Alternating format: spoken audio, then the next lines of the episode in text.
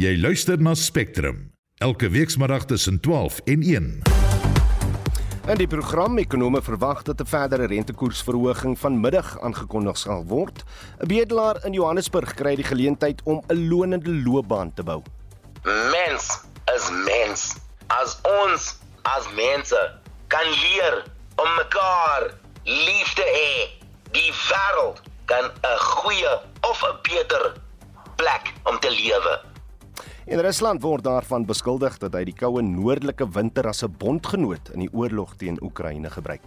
When we have the temperature below zero and uh, scores of millions of people stay without energy supplies, without heating, without water, this is an obvious um, crime against humanity.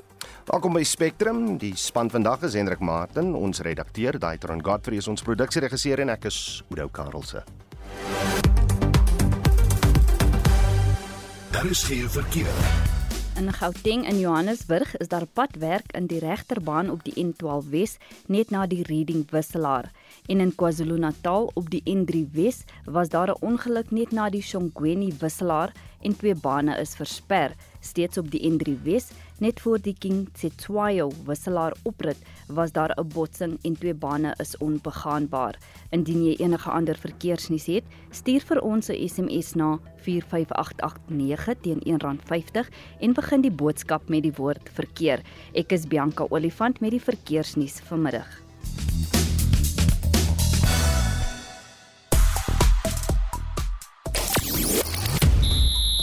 47 miljoen dollar, dit is wat FIFA se bierborg eis na Qatar besluit het om drankbel wêreldbekerwedstryde te verban. Vandag kan ons uitsien na nog 4 wedstryde. Die wêreld se beste span maak ook vanaand sy eerste verskyning. En blitsbouler Jofre Archer maak sy terugkeer na besering. Hy sal eers komende Januarie te sien wees in Suid-Afrika vir die Mumbai Indians Kaapstad. Al hierdie besonderhede net na 12:30. In sosiale media trek die Wêreldbeker sokkertoernooi baie aandag. Switserland en Kameroen, wat in groep G is, speel tans. En die telling daar nog steeds 0-0. Nou môre is swart Vrydag en winskoope kan verwag word, maar ekonome waarsku dat jy vooraf moet beplan wat jy gaan koop en seker moet wees dat jy dit kan bekostig. Ons praat later in die program met 'n ekonom hieroor. Intussen wil ons by jou weet, gaan jy môre winkels toe en wat was jou ervaring van vorige swart Vrydag aankope? Dalk is jy een van die wat uh, sommer voor 'n winkel gaan slaap. Ek wonder tog of daar een van julle daar onder die luisteraars is. Leonie Kellerman sê op Facebook nie 'n manier wat jy my na by die dorp sal kry nie. Ek sal veilig wees en my geld sal ook veilig wees. Stuur 'n SMS na 45889 teen R1.50 per boodskap. Jy kan ook saampraat op die Monitor en Spectrum Facebook bladsy of WhatsApp 'n stemnota na 076 536 6961. Spectrum, jou middagnuusprogram op RSG. Dis 7 minute oor 12. In Oos-London het Amerikaanse veghond nog 'n lewe geëis, hierdie keer van 'n 1-jarige baba. Die debat woed voort oor of die honde steeds as troeteldiere aangehou moet word of nie. Baie van die honde is aan die dierebeskermingsvereniging oorhandig. Ons praat nou met Robin Bronkhorst van Pitpels in Kaapstad. Robin, goeiemôre. Hi there, good afternoon to you. I hope you don't mind me replying in English. I, my Afrikaans is terrible. Not a problem. Uh, ek sal ek sal wel in Afrikaans vra en ek moet begin Robin om te vra wie en wat is Pitpels? Uh, Pitpels is a non-profit organization. We're in uh, Cape Town, based in Cape Town. We rescue and rehome uh, pit bulls and other power breeds in need. Nou sê my, hoekom dink jy is daar skielik nou soveel voorvalle? Um, it, it's not. It's not it's all of it. Sadly, it's not a. These attacks are not a new thing. Mm. It's not a all of a sudden thing. Um, if your listeners Google uh, the Pitbull Federation of South African, uh, South Africa pitbull attacks, mm. they'll see that it's been happening for decades. Um, it's just in the spotlight now, in the media now. Um, so it seems there are a lot more attacks and they're happening more and more. Mm. Um, but it's important for everyone to understand that it's not a dog problem. This is a accountability problem we, we're seeing at the moment with these dogs. Is 'n verbod en as nou druk wat geplaas word vir verbod op uh, strenger uh, regulasies vir eienaars. Is dit dalk 'n oplossing? Look, uh, breed bans do not work. Um, science and case studies have proven this. Um, all that happens when you brand a, brand a specific breed is the next breed will take its its place. Mm. Do you understand? Mm. So we ban pit bulls, and then the Rottweiler will take its place, or and, and so it goes on. Um, but I do agree that by strictly regulating the ownership of any power breed um, and enforcing the existing and already gazetted laws um, in this country, um, I think we will see a whole lot less maulings um, happening as owners are held accountable for for um, their, their, their dog's actions. Hoekom het dit dan tot dusver nie gebeur nie, Robin? Uh, it's again, it's a accountability thing. It's people need to owners need to step up. They need to take responsibility for their dogs. Uh, law enforcement needs to step up and take uh, responsibility for these attacks, these maulings being going on. Um, so I, I just think right now the spotlight is being putting on what is going on, and people are seeing what is going on, and people are stepping up and saying, "Look, we have an we have a problem, and it needs to be seen. You know, seen mm. to. It needs to be taken on." As jy 'n druk kon plaas op die regering om dinge te verander, uh, wat sou Pitpels uh, aanbeveel? Look, we have existing laws. We have existing gazetted laws that just need to be enforced so that we can see a decrease in in in these maulings happening all around. Sê my ons het verlede week verneem dat daar ten minste 49 uh uh pitbull terriers of uh, Amerikaanse veghonde teruggegee is of gegee is aan die dierebeskermingsvereniging in die Ooskaap. Wat gebeur met hierdie honde? Look, um obviously I cannot speak on behalf of the SPCA. Um but they have said that each dog that has been surrendered to them will be assessed as an individual case. Um, and, and taken from there. But I think it's very important for your listeners to understand that at least these dogs are now safe, um, where they're in, a, in an environment where they cannot, you know, have to suffer unimaginable deaths like being bludgeoned to death by a spade or, or stabbed or set alight. So, uh, yeah, can't speak for the SPCA, but they have assured us that each uh, dog surrendered will be assessed. En dit was Robin Bronkhorst van Pitpels in Kaapstad. 'n 4-jarige seentjie, Christopher Enrico Solomons, het die naweek in 'n kanaal by Oudtshoorn verdrink. Dit is nie die eerste keer dat 'n kind in die kanaal verdrink nie.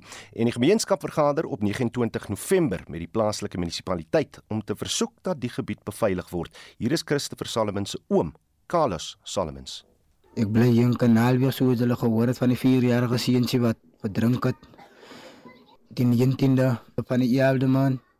So ek weet nie meer wat om te sê nie, maar my hele familie se harte is gebreek. Ek weet die mense rondom ons het ook 'n skok gehad, nee, maar ek weet nie wanneer gaan die munisipaliteit wil aandag gee aan ons gemeenskap en hoekom ons verloor amper elke jaar kinders.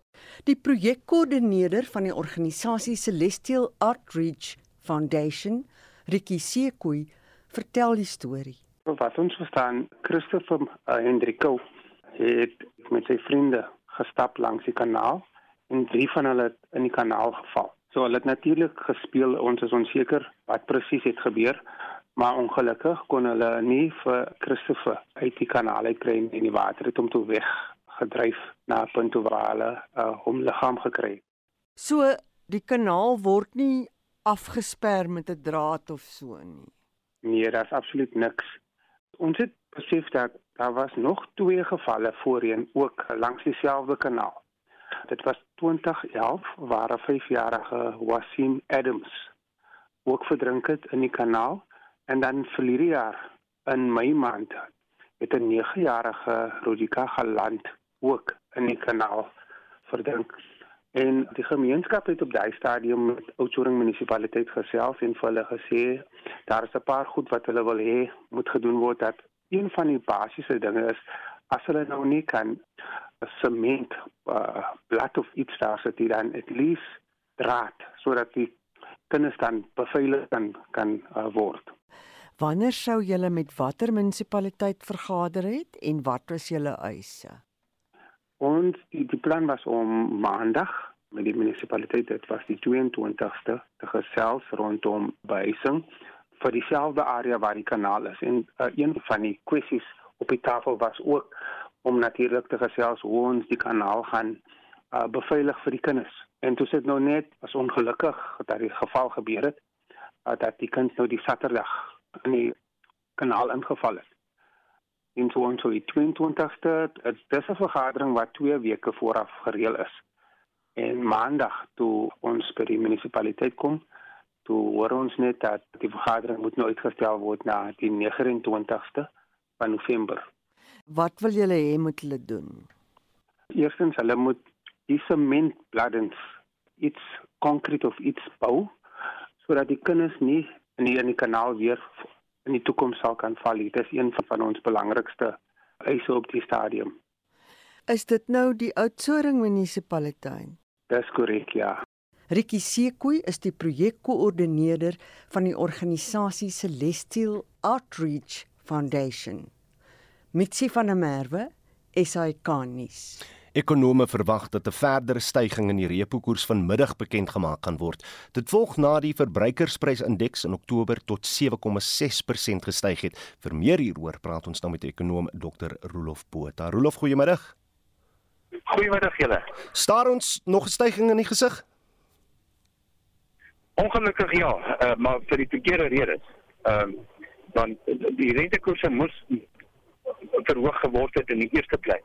Mhm. Die hoofrede vir die toename in inflasie reg oor die wêreld, die 800% stygings in skeepsvragtariewe tussen die einde van 2019 en die einde van laas jaar. En daar is absoluut niks wat hoë rentekoerse in Suid-Afrika daarin kan doen nie. Hmm. Uh, dit is net asof hulle doen presies om een of ander rede dink hulle is mode die monetêre beleidskomitee om te doen wat Amerika doen, maar daar's 'n reuse verskil tussen Amerika se makro-ekonomie en ons. Hmm. Hulle het feitelik volle indiensname en ons het hoë werkloosheid. En wat nou gebeur met hierdie aanhoudende rentekoersstygings wat totaal onnodig is, want ons het nie vraaginflasie in ons ekonomie nie, is dat verbruikers wat 'n bietjie skuld het of 'n verbandlening het nou letterlik minder geld in hulle sakke om te hmm. spandeer. En dit is sleg vir die ekonomie. Dit is nie uh, uh mense hoef nie 'n vreeslike hoë vlak van intelligensie te hê om te besef dat as jy nou meer moet betaal die verband en dan dan jy minder geld oor vir kos en 'n klomp ander goederes. Rolof, ek wil nou nou terugkom na na die punt wat jy gemaak het, maar sou dit gebeur, sal dit die sewende agtereen volgende keer wees dat die rentekoers verhoog word. Ons het gister ook by ekonom verneem uh dat die monetêre beleidskomitee nie die 7% kerf sal wil oorsteek ten opsigte van die repo koers nie. Stem jy saam?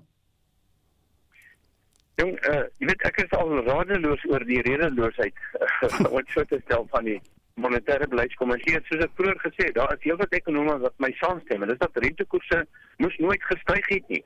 Hier is 'n tydelike aanbodkant probleem wat ons gehad het en veral nou dat die rand uh, uh, uh, mooi versterk het. Dis eintlik nie die rand versterk het nie. Die rand is nooit regtig swak nie. Die dollar is baie sterk gewees. Maar die dollar se loopie is amper verby. So ons uh, uh, in die skepsvragtariewe het nou mooi afgekom van so 10400 rand vir 'n 40 voet vraghouer na uh net oor die 3000 en hy val soos 'n klip. So inflasie gaan baie vinnig begin daal volgende jaar en al wat die reservebank moet gedoen het is om net 'n bietjie vas te byt en geduldig te wees. Hulle is ongelooflik ongeduldig en ek, ek dink nie hulle verstaan nie uh, mooi hoe werk inflasie. Rolof, brei net 'n bietjie uit oor die redes wat jy gegee het en hoe dit die land se ekonomie ekonomiese groei gaan raak. Wel, uh, as mense meer geld moet betaal op hulle verbandlenings, wat die geval is nou in vergelyking met 'n jaar gelede en waarskynlik nou na vanmiddag weer 'n klap gaan kry wat dit betref, dan is daar minder besteedbare inkomste.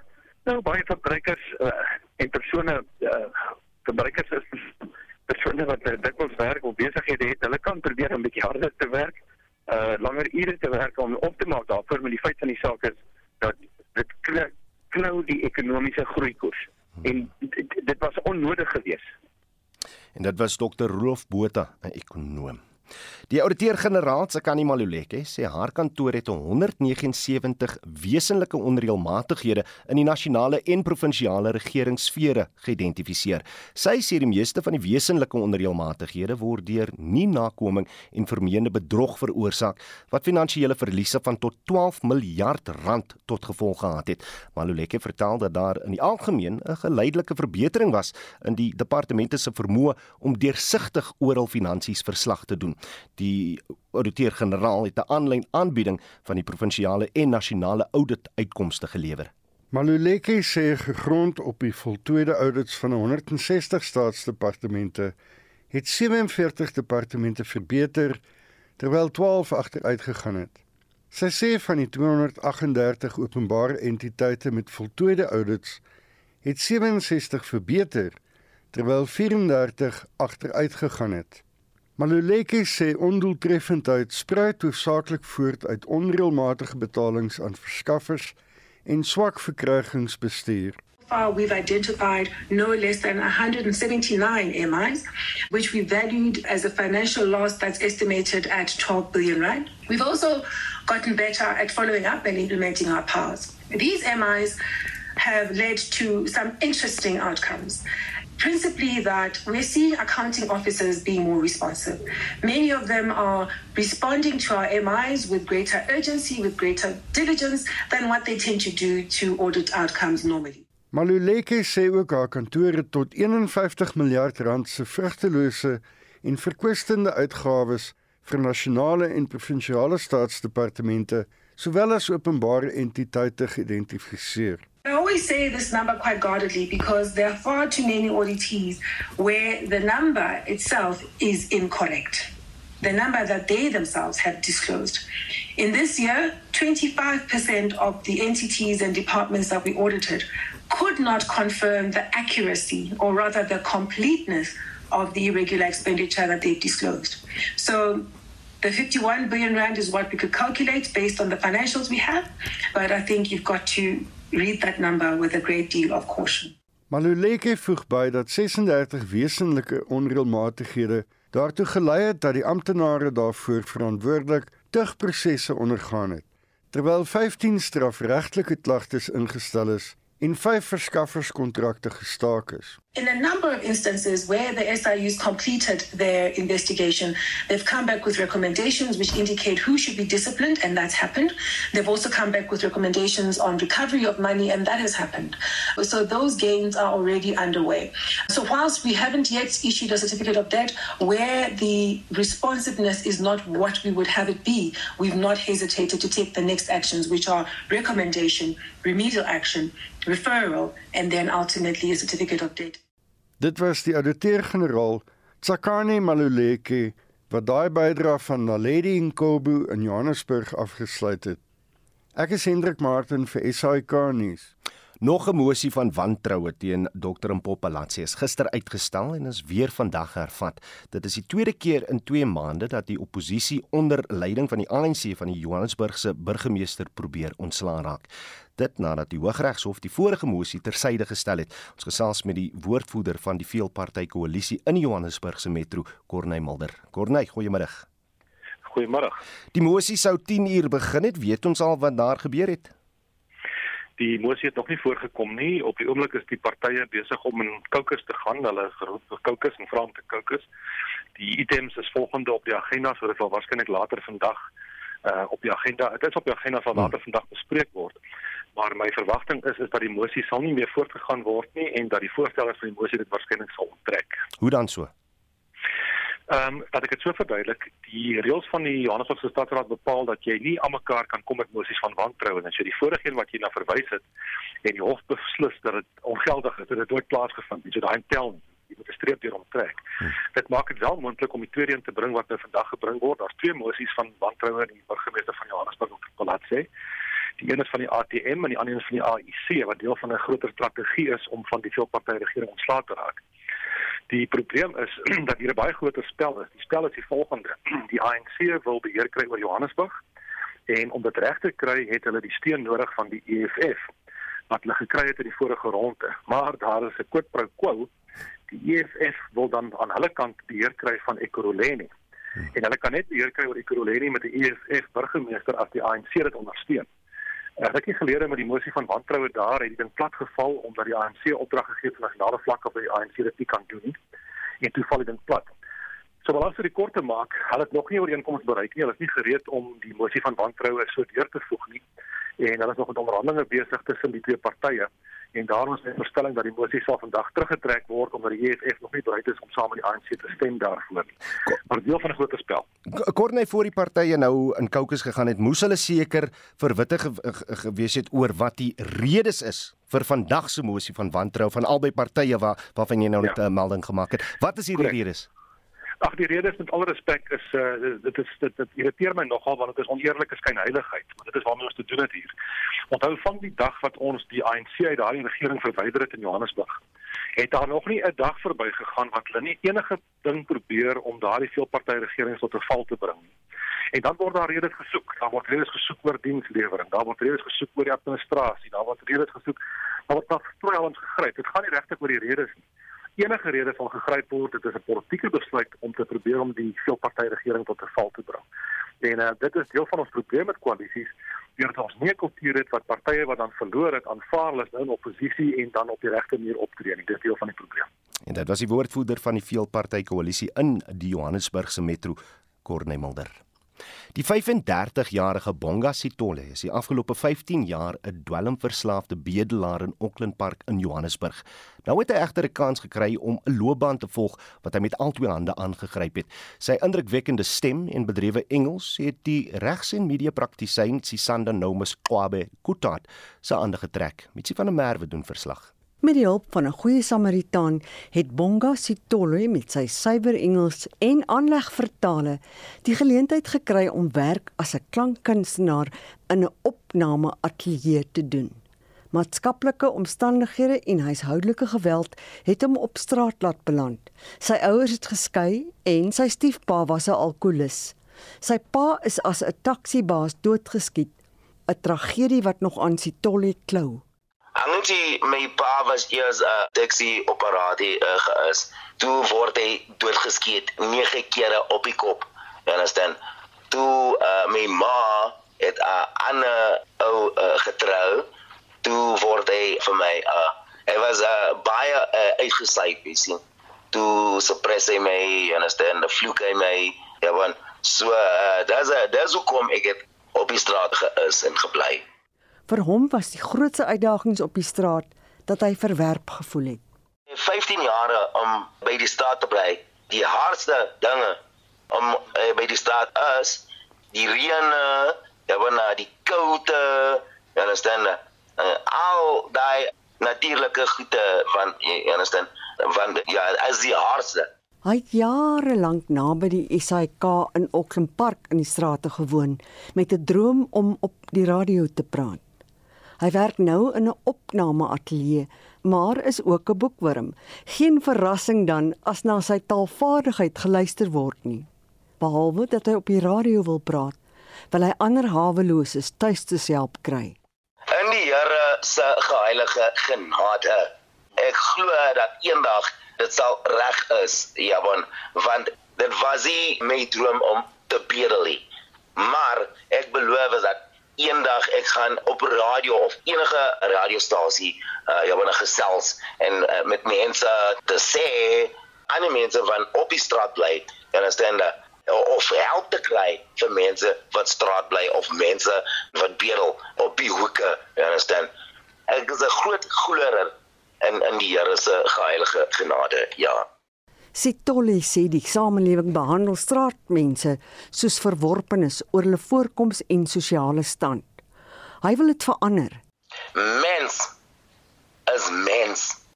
As ons as mense kan leer om mekaar lief te hê, die wêreld kan 'n goeie of 'n beter plek om te lewe. Die regs- en media-praktisyn Sisanda Nomusa Kwabe Kontaud het Bonga gehelp om 'n werk te kry en help hom 'n huis bou. Sy vertel hoe hy gelyk het toe sy by hom uitgekom het. I stopped. I asked him to come. We started having a conversation. I asked him what is his name. He spoke with so much confidence. I was intrigued. His voice was what caught my attention even more. I'm like, I have a podcast. This guy could actually uh, work with me. But let me hear what he wants. Because I asked him, how can I impact his life? He was wrecked, emotionally wrecked. I think also he was very much in denial, didn't accept me as he has accepted me now. Kwabe Kotad kom van 'n filantropiese familie. Haar ma het na weeskinders omgesien toe sy 'n kind was. En daar is opwindende geleenthede vir Bonga vorentoe. The first process towards his healing that I've been focusing on is to rebuild his emotional confidence because I think that's what has been damaged the most when he's been told he's pathetic, he's a hobo, he's useless. Some of these words were not coming from just only the strangers on the side of the road, but from people that are family members. And I'm doing that by physically being there for him. I literally pick him up and take him to the places he needs to go to for his uh, rehab sessions. My ultimate goal is to make sure that Bonga is independent. The minute he comes back from the rehab, he's going to start his podcast. Daar is 'n fonds vir Bonga gestig wat met R5000 begin is terwyl hy nou in 'n rehabilitasieprogram is. Prabashni Muli het hierdie verslag saamgestel. Mitsi van der Merwe, SAK-nuus. Spectrum, jou middagnuusprogram op RSG presies 12:30 en in die nuus ses mense onder wie 3 kinders is dood nadat 'n brand vroeg vanoggend by hul woonplek in Kariga in die Oos-Kaap ontstaan het. Die ouditeur-generaal, Tsakani Maluleke, sê haar kantoor het reeds 51 miljard rand se onreëlmatige uitgawes op alle vlakke van regering geïdentifiseer en die president van Oekraïne, Volodymyr Zelensky, beskuldig Rusland van oorlogsmisdade nadat 'n swaar missielaanval kragonderbrekings landwyd veroorsaak het. Bly ingeskakel. Daar is geen verkeer. In Gauteng in Johannesburg is daar padwerk op die N3 Noord net na van Burenweg en die linkerbaan word versper. Dan op die N12 Wes net voor die Kalulies wisselaar staan 'n voertuig in die linkerbaan. Ek is Bianca Olifant met die verkeersnuus op Spectrum.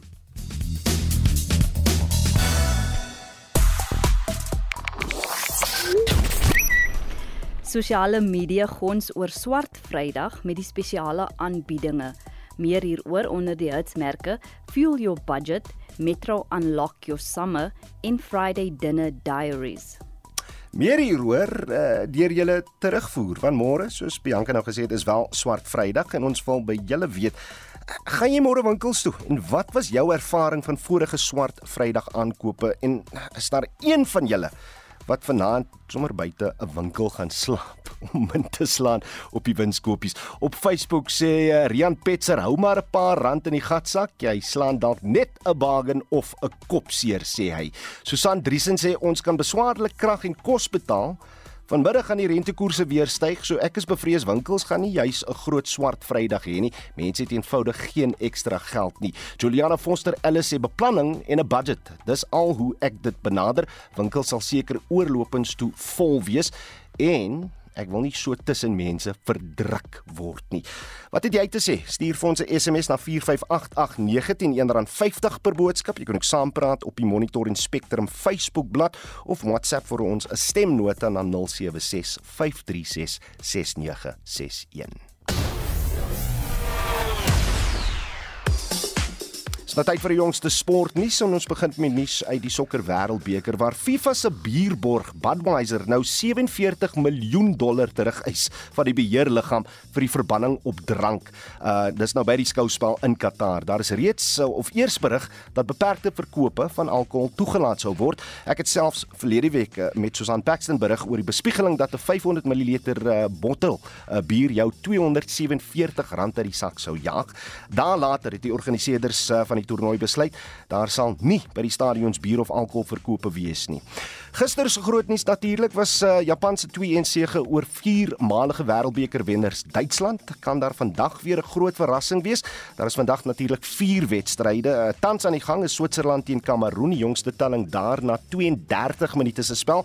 Uh, nog steeds doelloos. Uh, die jongste nuus uit uh, die Portugal kamp. Dis nou hulle speel 5 uur vanmiddag teen Ghana dat Cristiano Ronaldo oornag 'n twee wedstryd skorsing ontvang het van die Engelse Premier Liga. Dis nou vir 'n voorval waar hy die selfoon van 'n Everton ondersteuner het sy hand geslaan het na 'n wedstryd uh in die uh, vorige seisoen dis nou teen Manchester United. So as hy by 'n nuwe Engelse klub aansluit na sy afdanking deur die Red Devils, sal hy ten minste twee wedstryde op die kantlyn moet verduur. Die ander wedstryde vandag, dis nou 3 uur vanmiddag speel Uruguay teen Suid-Korea en uh die dag se laaste wedstryd sal ons uh, uiteindelik ook aan vestig op die wêreld se beste span. Brasilië skop 9 uur af teen Servië.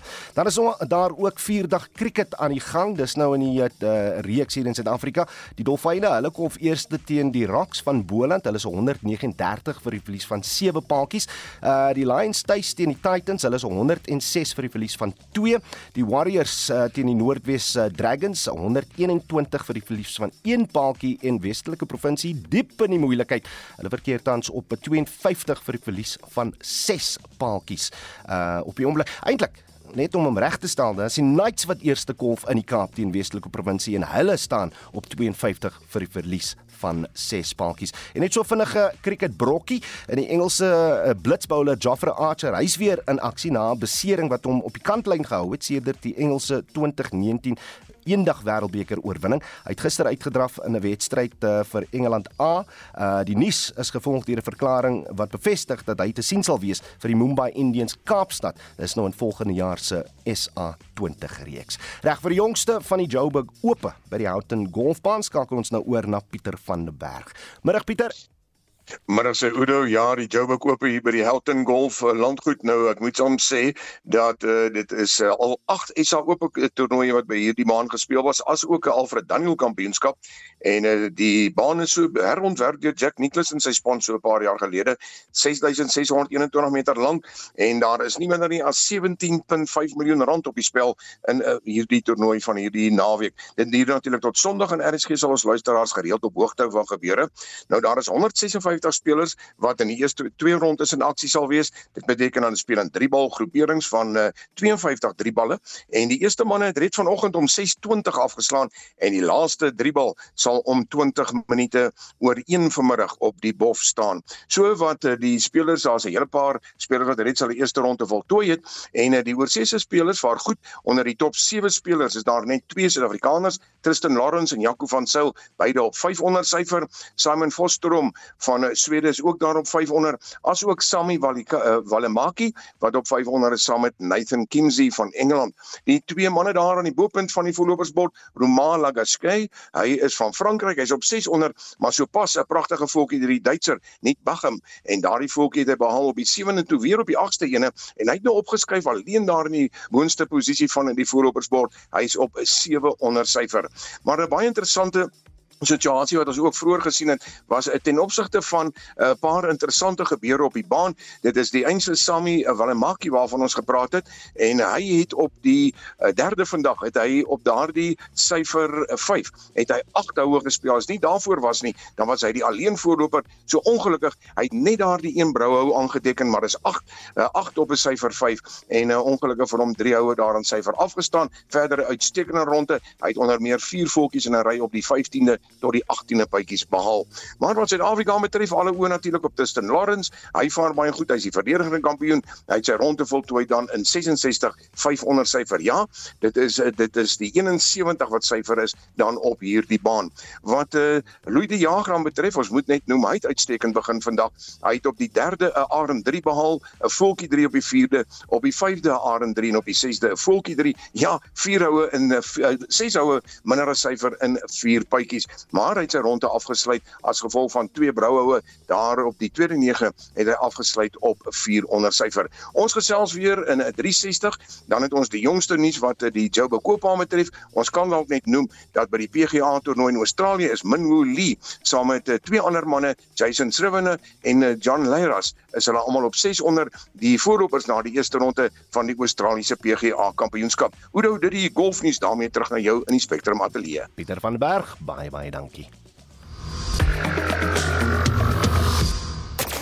Jy luister na Spectrum op RSG.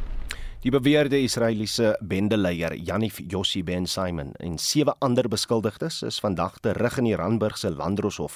Interpol saam met Suid-Afrikaanse wetstoepassingsagentskappe het hulle by 'n huis in Bryanston in die noorde van Johannesburg verlede week vasgetrek. Hulle staan tereg op aanklagte van dwelmsmokkelary, afpersing en ander misdade. Ben Simon word in Israel in verband met poging tot moord en sameswering om moord te pleeg gesoek. Ons praat nou met ons verslaggewer Sashin Naidu. Sashin, good afternoon. Hi, good afternoon. What's happened in court so far? So this morning it was actually quite a brief appearance at Randburg Magistrates Court where the matter was actually postponed to next week Thursday. And this was due to the state actually handing over um, the extradition documents for uh, Ben Simon to the defense as well as to the court. So the defense actually needed uh, seven days to go over those documents and actually prepare for the case. So we will see on Thursday next week whether or not the defense team actually accepts that extradition document or they will be challenging it. We also do know that they will be preparing for a possible bail application, which uh, we will hear, um, which might actually be taking place on Thursday as well. What other background can you share with us in terms of what he's expected to face once back in Israel? Well, so basically, what happened in Israel uh, a few years ago was that he is actually accused of placing bombs under two specific vehicles in where he actually tried to target one person on two separate occasions. So that actually, those when those bombs were detonated, it actually resulted in numerous people being injured. However, luckily, no one um, actually died as a result of those bombs. So we do also know that he is actually a wanted drug trafficker, as well as uh, he's also wanted for extortion in Israel. So if he does get extradited to his country, he will be facing quite a string of charges. En dit was ons verslaggewer Sashin Naidu. Die misdaadstatistiek wat gister bekend gemaak is, toon 'n afname in gebiede in die Wes-Kaap wat dikwels met bendegeweld geassosieer word. Vir sy mening hieroor praat ons nou met die Wes-Kaapse minister van Gemeenskapsveiligheid, Regan Allen. Regan, goeiemôre. Oudo, baie goed om met u te praat en ek hoop dit gaan goed met u en al die luisteraars. Nee, dit gaan goed. Luister, ek sê dit nou tong in die kies, maar uh, is die bendes reeds met verlof of is daar ander redes vir die afname? Um ek sal beslis wil sê dat daar is ander redes en deel van daai redes is nê dat ons het gesien vanaf 2018 dat daar was 'n 70% daling in die getal van beamptes wat ons het by die Suid-Afrikaanse Polisie Diens stasies. Wat dit bedoel is dat 70% van ons stasies het nou minder lede as wat ons in 2018 gehad het. As gevolg van die 2019 Weskaapse veiligheidsplan het ons ekstra stewels op die grond gesit in ons areas waar dit die grootste 'n nodigheid het en ons sien 'n daling. Ehm um, daai daling is baie ehm um, encouraging. Ehm um, areas soos om Verleni sien 'n uh, 'n uh, um, 'n daling van 32% Kryfontein sien 'n daling, Guguletho sien 'n daling, Khayelitsha Harare en Delf, hmm. maar ons weet ons het nog 'n lang pad om te stap en ons doen alles in ons vermoë om te verseker dat ons bring contact crime misdaad ons bring moordsake af van ons wil sien dat ons inwoners hier in die Weskaap lewe in 'n plek waar hulle kan veilig voel, veilig speel en veilig gaan werk. Regen hoe het julle reg gekry om meestewels op voetswol uh, vlak te kry?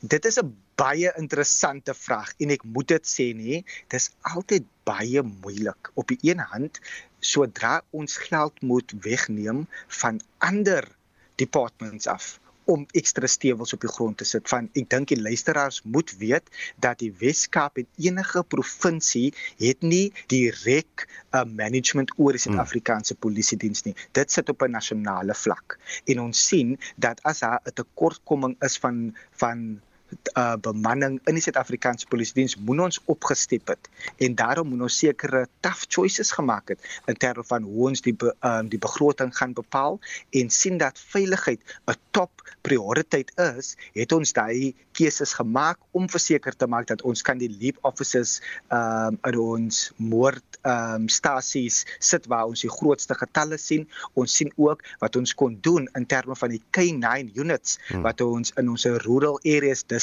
kan geplaas het en die reaction units daar en die werk wat ons saam doen met die district municipalities ook. So dit dit is baie ehm um, op die een hand weet ons is 'n nodigheid. Mm. Op die ander hand weet ons dat as die afwenteling van die Suid-Afrikaanse Polisie Diens op 'n provinsiale vlak moet land, dan sal ons kan sien ons sal 'n groter rol kan speel in die deployment van die Suid-Afrikaanse Polisie Diens en verseker maak dat een van die taakspanne wat die anti-gang unit is, vanaf 2018 hulle is minder as 38% as wat hulle moet hmm. eintlik wees. So ons sal sulke dinge sal wil regmaak want ons weet die rol wat die Suid-Afrikaanse Polisie Diens moet speel en hulle moet hulle mandaat kan um implement, maar ons doen soveel as wat ons kan. Oudo. Regan het vir ons uh, groet. Is daar enigiets anders wat vir jou uitgestaan het want dit die uh, misdaadsyfers van gister betref? Um ek wil sê ek wil altyd eerlik en oop wees, nê? Nee? En ek wil noem dat ek is 'n bietjie bekommerd oor oor Nyanga en oor Philippi East. En die premier het my alreeds 'n direktief gegee om in daardie twee areas te gaan sodat ons kan verdere gesprekke hê met die Suid-Afrikaanse Polisie Diens en die leap officers wat ons op die grond sit saam met ander belanghebbendes sodat ons kan sien hoe ons die ehm um, die situasie in Nyanga en in Philippi East ook weer kan omdraai. So ons werk hard in hy verband. Ons weet dat een moord is een moord te veel en ons wil hê dat ontsnappings, moorde, ehm um, contact crime various crime categories moet daal van ons wil sien dat ons ekonomie groei en dat ons mense kan lewe in in veiligheid. Reg, dit was die Weskaapse minister van gemeenskapsveiligheid Regan Allen. Die Europese Parlement het 'n resolusie aanvaar wat Rusland erken as 'n staat wat terreur befonds. Rusland word nou verantwoordelik gehou vir skade aan infrastruktuur en menseregte vergrype in Oekraïne, veral teenoor landsburgers. Professor Abel Esterhuise van die Universiteit Stellenbosch se fakulteit Krygskunde sluit nou by ons aan vir meer hieroor. Uh, Abel, goeiemôre. Goeiemôre. Op internasionale vlak is daar hoofsaaklik twee regsbeginsels wat oorlogvoering betref. In 'n netedop herinner ons net weer daaraan. Ja, aan die een kant sit jy met die sogenaamde use at bellum beginsel, met ander woorde die reg tot oorlog of dan die idee van 'n regverdige oorlog in Engels sal hulle praat van 'n just war. En dit vra vir die vraag rondom state se se se rasionaal tot oorlog. Hulle hoekom state oorlog maak en ons het gesien uh, dat Putin uit sy pad uit gaan om te probeer uh, verduidelik om om 'n regverdige saak te stel vir hoekom hy Oekraïne inval. En en dis dit dit gee erkenning aan die use at bellum beginsel en dan is daar die use in bello met ander woorde die reg in oorlog om dan oorlog so eties as moontlik ehm um, te voer en om oorlogsmisdade binne oorlogskonteks uh te vermy. En beide van hierdie uh twee beginsels het wat die oorlog in die Oekraïne aanbetref ernstige ernstige vrae na vore gebring. Hmm. So waar plaas die wette Rusland? Ja, die die die wette spreek natuurlik dis 'n moeilike moeilike beginsel hier want aan die een kant spreek dit uh aan tot die use at bellum beginsel met ander woorde Rusland word verantwoordelik gehou vir die feit dat hy nou tot oorlog toe oorgegaan het in die Oekraïne daar baie vrae daar rondom is. Maar uh, Rusland word ook verantwoordelik gehou vir die use in bellum beginsel. Met ander woorde hoe hy daardie oorlog in Oekraïne nou voer. En ek dink dis wat hulle nou hier aan die orde wil stel want ons het gesien dat ehm um, Rusland se bomwerperveldtog die die ehm uh, missielveldtog en die uh die die die strategiese bomwerpingsveldtog wat nou aan die orde is in die Oekraïne grootskaalse vernietiging van infrastruktuur tot gevolg het. Grootskaal uh ook lei tot ongevalle onder burgerlikes primêr nie soldate wat primêr geteken word nie maar maar burgerlike teikens wat geteken word. En uiteraard plaas dit geweldig baie vrae oor uh, Rusland se sy etiese wyse waarop hy die die oorlog voer En ek dink dis wat hulle nou maar aan die begin sal stel hier om om op 'n manier vir Rusland te sê jy moet mooi dink wat jy doen want ons gaan jou verantwoordelik hou vir waar waarmee jy nou besig is op in die Oekraïne om primêr burgerlike infrastruktuur te vernietig. En Oekraïne, is hulle onskuldig? Wel, dit is 'n oop vraag. Jy weet in in oorlog is daar is daar altyd twee kante en uh nie een van die kante ehm um, die die blote feit dat mense doodgemaak word uh in 'n oorlog stel natuurlik uh, etiese uh etiese vrae en sit etiese vrae op die tafel. En en kom ons wees nou maar eerlik kom ons vat 'n historiese voorbeeld hier.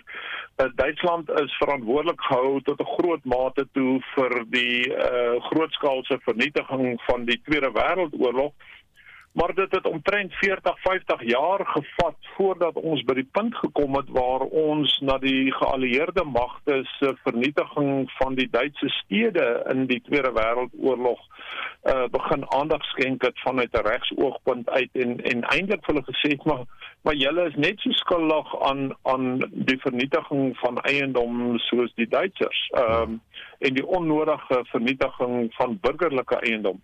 En so 'n mens, jy weet, hoe hoe die hoe die oorlog gevoer word uh, aan beide kante laat uh, in baie opsigte baie vrae. Daar was verlede week 'n insident gewees waar uh, die Oekraïense magte geskiet het op ehm, 'n um, groepering van Russiese magte wat probeer oorgee het en uh, uit 'n regsoogpunt is dit natuurlik onaanvaarbaar. So hierdie tipe van goed gebeur maar aan albei kante. Maar ek dink op die oom, oomblik is daar ook 'n doelbewuste poging van van Rusland af om die Oekraïense infrastruktuur te vernietig en uiteraard uh, trek dat baie aandag vanuit 'n regsoogpunt. Dis wel 'n taktik wat uh, deur die weste ge gebruik is. Ek dink by, byvoorbeeld aan Afghanistan en Irak. Hoekom dan nie Bongai oor Rusland?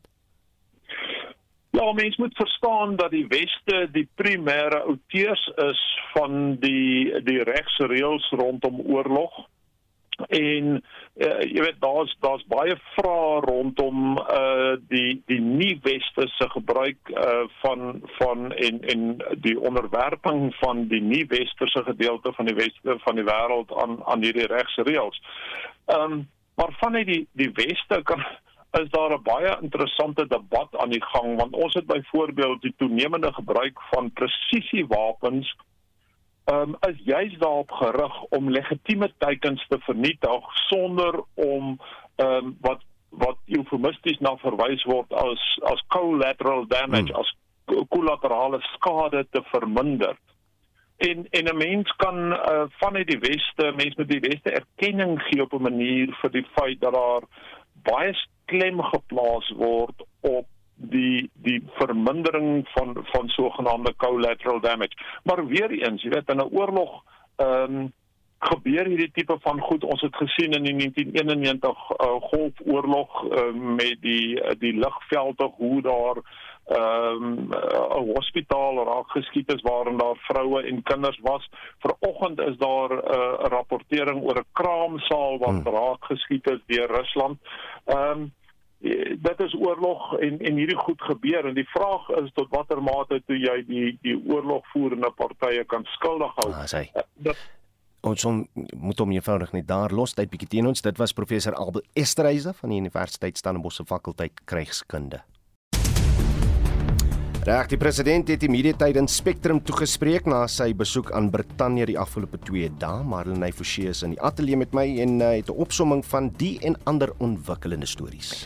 Ja, dan nou een van die dinge waaroor die president heelwat kritiek ontvang het tydens sy besoek is dat hy in Brittanje rondkarjakker terwyl die land gebuk gaan onder beerdkrag. Hy het as volg hierop gereageer. I have ministers whose job is to address these issues and once we've got the framework ministers as well as the executives of those entities are meant to address that. I remain in constant contact up to three, four times a day, being informed on what is happening and putting forward uh, proposals and taking decisions. Much as I want to be present in the country all the time to address all the challenges that we have, there are times when we've got to also get those who are supposed to do the work to do the work uh, themselves. Intussen is alle oë in Johannesburg gerig op die mosie van wantroue wat nog gedebatteer moet word teen die burgemeester Mpopalatse. Nou in aanloop tot die mosie het sy die volgende aan Morning Live gesê. We're going to fight that motion. If the motion is carried, yes, it would have been carried through a democratic process. If there is illegality, we will continue to appeal to our criminal justice system to deal with that. So we'll see what happens today. I'm positive. I'm going in and I'll continue to fight for our residents. Nog 'n storie wat ons dophou is die repo koers aankondiging later vanmiddag. 'n Verdere stygings word verwag en die ekonom Dr. Rolof Botha sê intussen die rentekoerse moes in die eerste plek nie verhoog word nie. Om een van die redes dink hulle is mode, die monetêre beleidskomitee om te doen wat Amerika doen, maar daar's 'n reuse verskil tussen Amerika se makro-ekonomie en ons. Hmm. Hulle het feitelik volle indiensname. En wat nou gebeur, met hierdie aanhoudende rentekoersstygings wat totaal onnodig is. Is dat verbruikers wat 'n bietjie skuld het of 'n verbandlening het nou letterlik minder geld in hulle sakke. En dit was die ekonom Dr. Rolof Botha. Storie sal ook later aan brandpunt bespreek word. Jy net hoeveel meer jy kon gekoop het op swart Vrydag? as die rentekoerse nou nie 6 keer agtereenvolgend gestyg het nie. En dit was natuurlik Marlene Forsie met die uh, die afgeloop gelope uur se ontwikkelende stories. Ons groet namens ons uitvoerende regisseur Nicoline de Wee, ons uh, redakteur vandag is Hendrik Martin, ons produksieregisseur Daitron Godfrey en ek is Oudo Karelse. Geniet die res van die dag in die geselskap van RSG.